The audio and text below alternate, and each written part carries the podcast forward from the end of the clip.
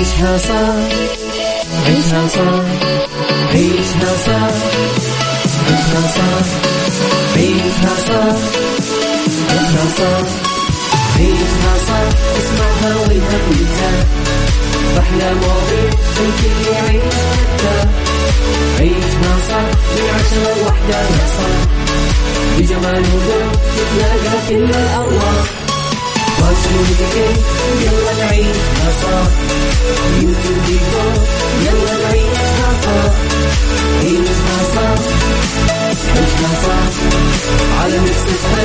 يلا نعيشها الآن عيشها صح مع أميرة العباس على Mix FM Mix FM Saudi's number one hit music station يا صباح الخير صباح الورد صباح السعادة صباح الحب صباح الورد صباح الهنا. تحياتي لكم مستمعينا وين ما كنتم صباحكم خير. من وين ما كنتم تسمعوني راح فيكم من وراء ال mic وال control أميرة العباس في يوم جديد صباح جديد حلقة جديدة ومواضيع جديدة.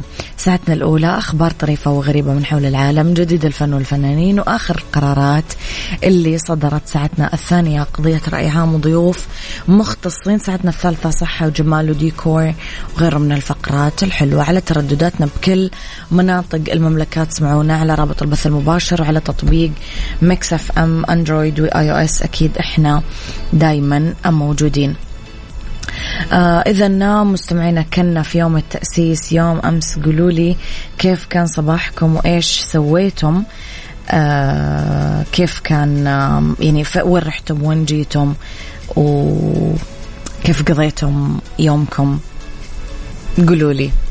آه مختلف مناطقكم يعني اين كانت منطقتكم قولوا لي كيف مر اليوم الحلو عليكم. عيشها صح مع أميرة العباس على Mix FM Mix FM Saudi's number one hit music station مستمعينا اللي خبرنا الأول وعبر خادم الحرمين الشريفين الملك سلمان بن عبد العزيز آل سعود حفظه الله عن اعتزازه بذكرى تأسيس هذه الدولة المباركة بالعام 1139 يعني 1727 ميلادي. وقال يوم الأربعاء بتغريدة عبر حسابه الرسمي بتويتر نستذكر في المملكة العربية السعودية بكل اعتزاز ذكرى يوم التأسيس الذي يعبر عن نحو ثلاثة قرون من قيام كيان هذه الدولة المباركة عام 1727 ميلادي 1139 هجري. عاصرنا خلالها مختلف التحديات وتجاوزنا فيها جميع الأزمات وكان التلاحم والاستقرار هو الأساس الذي يجسد عراقة هذا الوطن أرضا وإنسانا.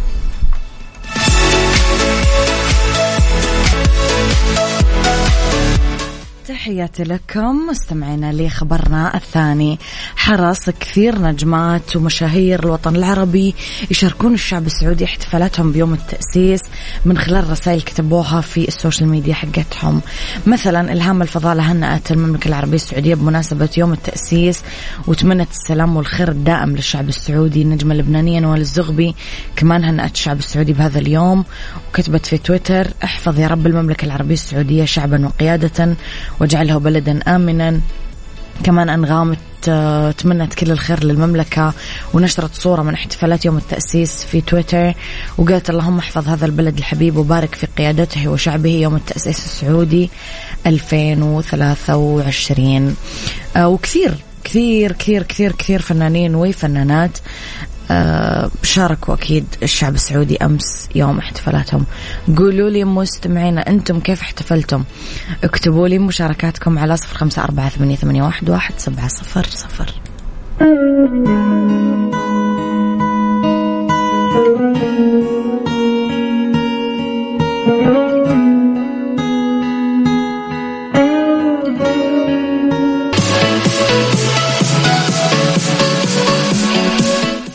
تحياتي لكم مستمعينا. مستمعينا أذكركم أنه تقدرون دايما ترسلوا لي رسائلكم الحلوة على صفر خمسة أربعة ثمانية, واحد سبعة صفر صفر. جديدنا أخبارنا كواليسنا تغطيات الإذاعة والمذيعين دايما تلقونها على at Mix FM Radio تويتر سناب شات إنستغرام وكمان آه فيسبوك.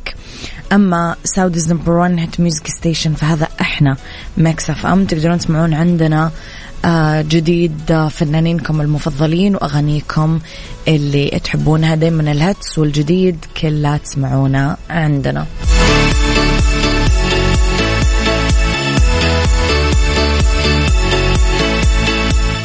مستمعينا أمس أشوف أهل جدة بالبلد وبالكورنيش. أشوف أهل الرياض في البوليفارد آه شفت شوية من احتفالات أهل الشمال حايل والجوف.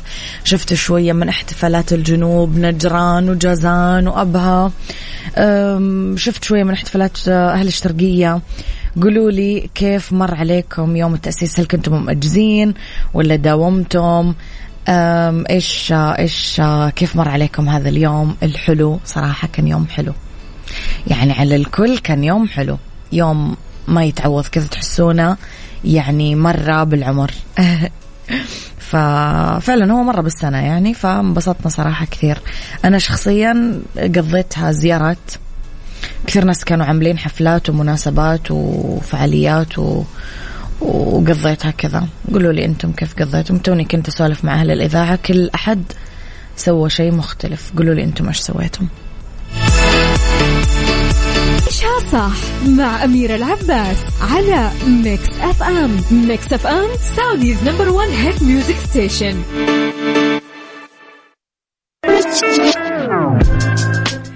مستمعينا في حديثنا عن موضوع حلقتنا زيادة الإنتاجية ولا زيادة الأمراض. لاحظنا يمكن بالسنين الأخيرة ميل المنظمات لساعات عمل طويلة تبلع كل النهار وحتى جزء من الليل وممكن يتفاخر كثير منهم بهذا الجدول الزمني ويعتبرونه من مؤشرات النجاح ولا سمة حلوة بالصورة الذهنية للمنظمة بالمجتمع.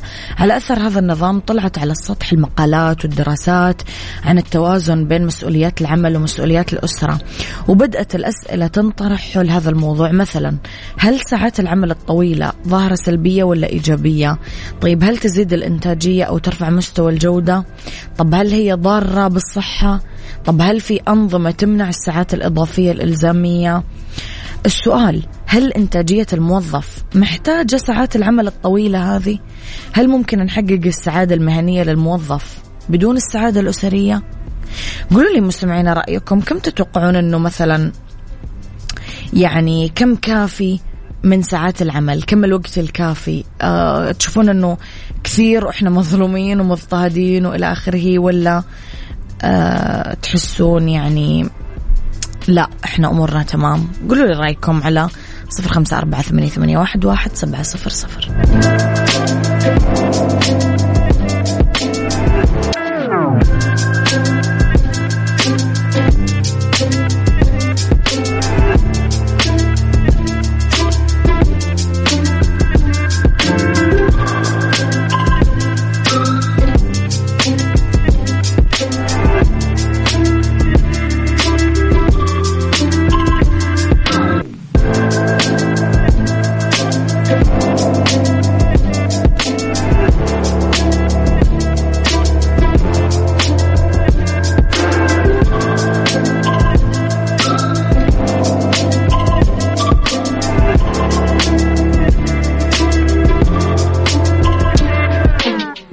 تحياتي لكم مستمعينا وصباحكم خير.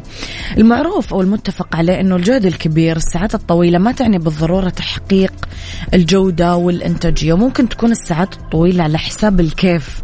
حتى الاجتماع لما يطول آه وقته ما يعني بالضرورة أنه اجتماع ناجح أو أو مبرر لتباهي الناس اللي مشاركة فيه.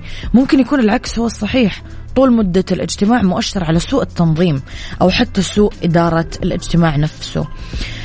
أه تشير بعض الدراسات بهذا المجال أنه العمل لساعات طويلة يزيد الأمراض ما يزيد الإنتاجية. بس المنظمات وخاصة الربحية لها رأي ثاني وهي أنه تلزم الموظفين بساعات عمل طويلة بطريقة غير مباشرة من خلال تحديد أهداف لازم تتحقق ويتوقف عليها تقييم الموظف ويسمح للموظف كحافز أنه يكمل شغله من البيت. مهم يحقق الهدف المحدد.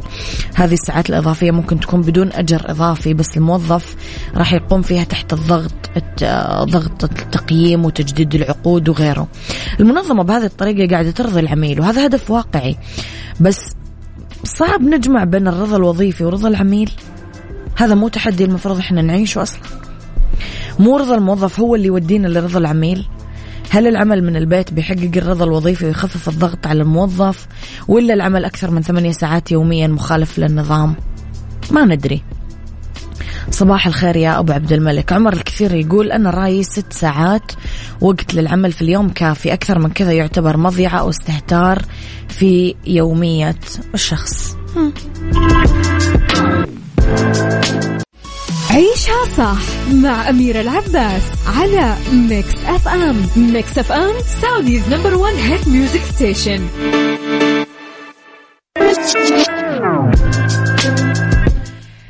جزئيتنا الأخيرة من حلقة اليوم مستمعينا كيف نحقق التوازن ما بين مسؤوليات العمل ومتطلبات ومسؤوليات الحياة الأسرية والاجتماعية هل يمكن تحقيق سعادة مهنية بدون سعادة أسرية؟ يقال أصلا بعالم الأعمال أنه الوقت هو المال هل هذه المقولة لا تزال واقعية وثابتة رغم التطور الهائل بمجال التقنية اللي ساهمت بسرعة الإجراءات وسرعة الحصول على المعلومات؟ يعني لما نداوم ثمانية وتسعة وعشرة ساعات 12 ساعة إحنا كذا نروح للمرض ولا للإنتاجية والله ما أدري. ربط أحزمة. ربط أحزمة. ضمن صح. على Mix FM Mix FM. يسعد مساكم مستمعينا تحياتي لكم وين ما كنتم. مساكم خير في أولى ساعات المساء وآخر ساعات عيشها صح. أدردش معاكم في ربط أحزمة عن زيارة لقصر المصمك بالرياض. يشهد قصر المصمك على تاريخ البلاد الغني والأحداث العظيمة في تاريخ تأسيس المملكة العربية السعودية. تعني كلمة المصمك العربية مبنى سميك قوي كان يستخدم سابقا كمخزن للأسلحة والذخيرة. الين تحول لمعلم تاريخي وبعدين متحف. يمكن لزوار المتحف يشوفون فيلم وثائقي يعرض استعادة السيطرة على القلعة من المملكة العربية السعودية. تؤدي بوابة شجرة النخيل للمتحف من ساحة مفتوحة اسمها الخوخة واللي تسمح فقط لشخص واحد إنه يمر بكل مرة. وتشمل بعض المعالم السياحية الرئيسية بالمتحف. ساحة الفناء الفسيحة خارج القلعة اللي تعد نقطة استكشاف مشتركة للسياح أبراج المراقبة اللي تطلع على المدينة الأعمال الفنية التاريخية اللي يرجع تاريخها لأوائل القرن العشرين وحتى قبل وكثير آبار مياه عذبة. يقع سوق الزل الشهير جنب المتحف مباشرة. مكان مثالي للحصول على الهدايا التذكارية اللي تمثل الثقافة السعودية على شكل مجوهرات ومشغولات يدوية. يستقبل قصر المصمك الزائرين طول أيام الأسبوع للتعرف على تاريخ المملكة من 8 الصباح إلى 9 المساء. سايكولوجي ضمن عيشها صح على Mix FM Mix FM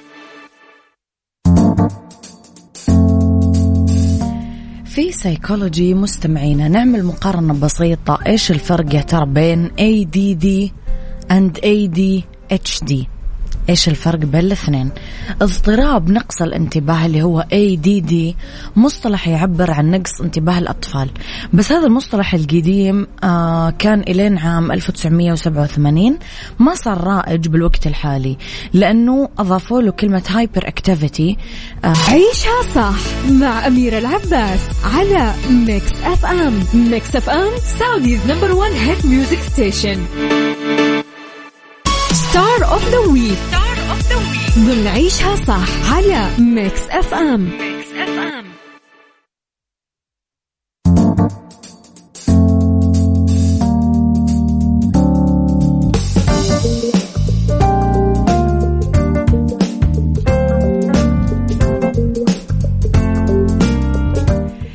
تحياتي لكم مستمعينا. star the week نتكلم على ريم عبد الله مواليد 20 فبراير 1987 آه، ممثلة سعودية عرفت أثناء ظهورها بمسلسل طاش مطاش بموسمه ال 15 مع الثنائي عبد الله السدحان وناصر القصبي في عام 2007 واصلت مشوارها الفني بالمشاركة في قرابة 30 مسلسل لها كمان مشاركة سينمائية واحدة مع المخرجة هيفاء المنصور في فيلم وجدة. في 2012 ولدت ريم بالرياض.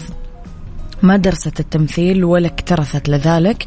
بدأت مسيرتها الفنية بظهور بسيط ب 18 بموسم وال15 بعدة حلقات جنب الثنائي ناصر القصبي وعبد الله السدحان عام 2007 بنفس السنة آه ظهرت بكوميديا نسائية بعنوان عمشة بنت عماش من تأليف وكتابة عبد الله العامر. آه شاركت بالجزء الثاني من مسلسل بيني وبينك مع حسن عسيري وفايز المالكي بدور الشيخة ألفت عام 2008 شاركت آه آه كمثلت بعدة مسلسلات طلعت بكثير حلقات من الساكنات في قلوبنا اللي بدأ بثه بشكل أسبوعي في يناير 2009 صورت حلقة كمان من مسلسل آه، جارية حمودة انعرضت في فبراير بعدين لعبت دور البطولة في أيام السراب وشوهدت بمسلسل أسوار اثنين اللي عرض في مايو 2009 أعمالها نتكلم على سيلفي نتكلم على العاصوف نتكلم على الميراث نتكلم على عندما يكتمل القمر نتكلم على استوديو 21 نتكلم على هوامير الصحراء نقول طاش مطاش وأكيد فيلم وجده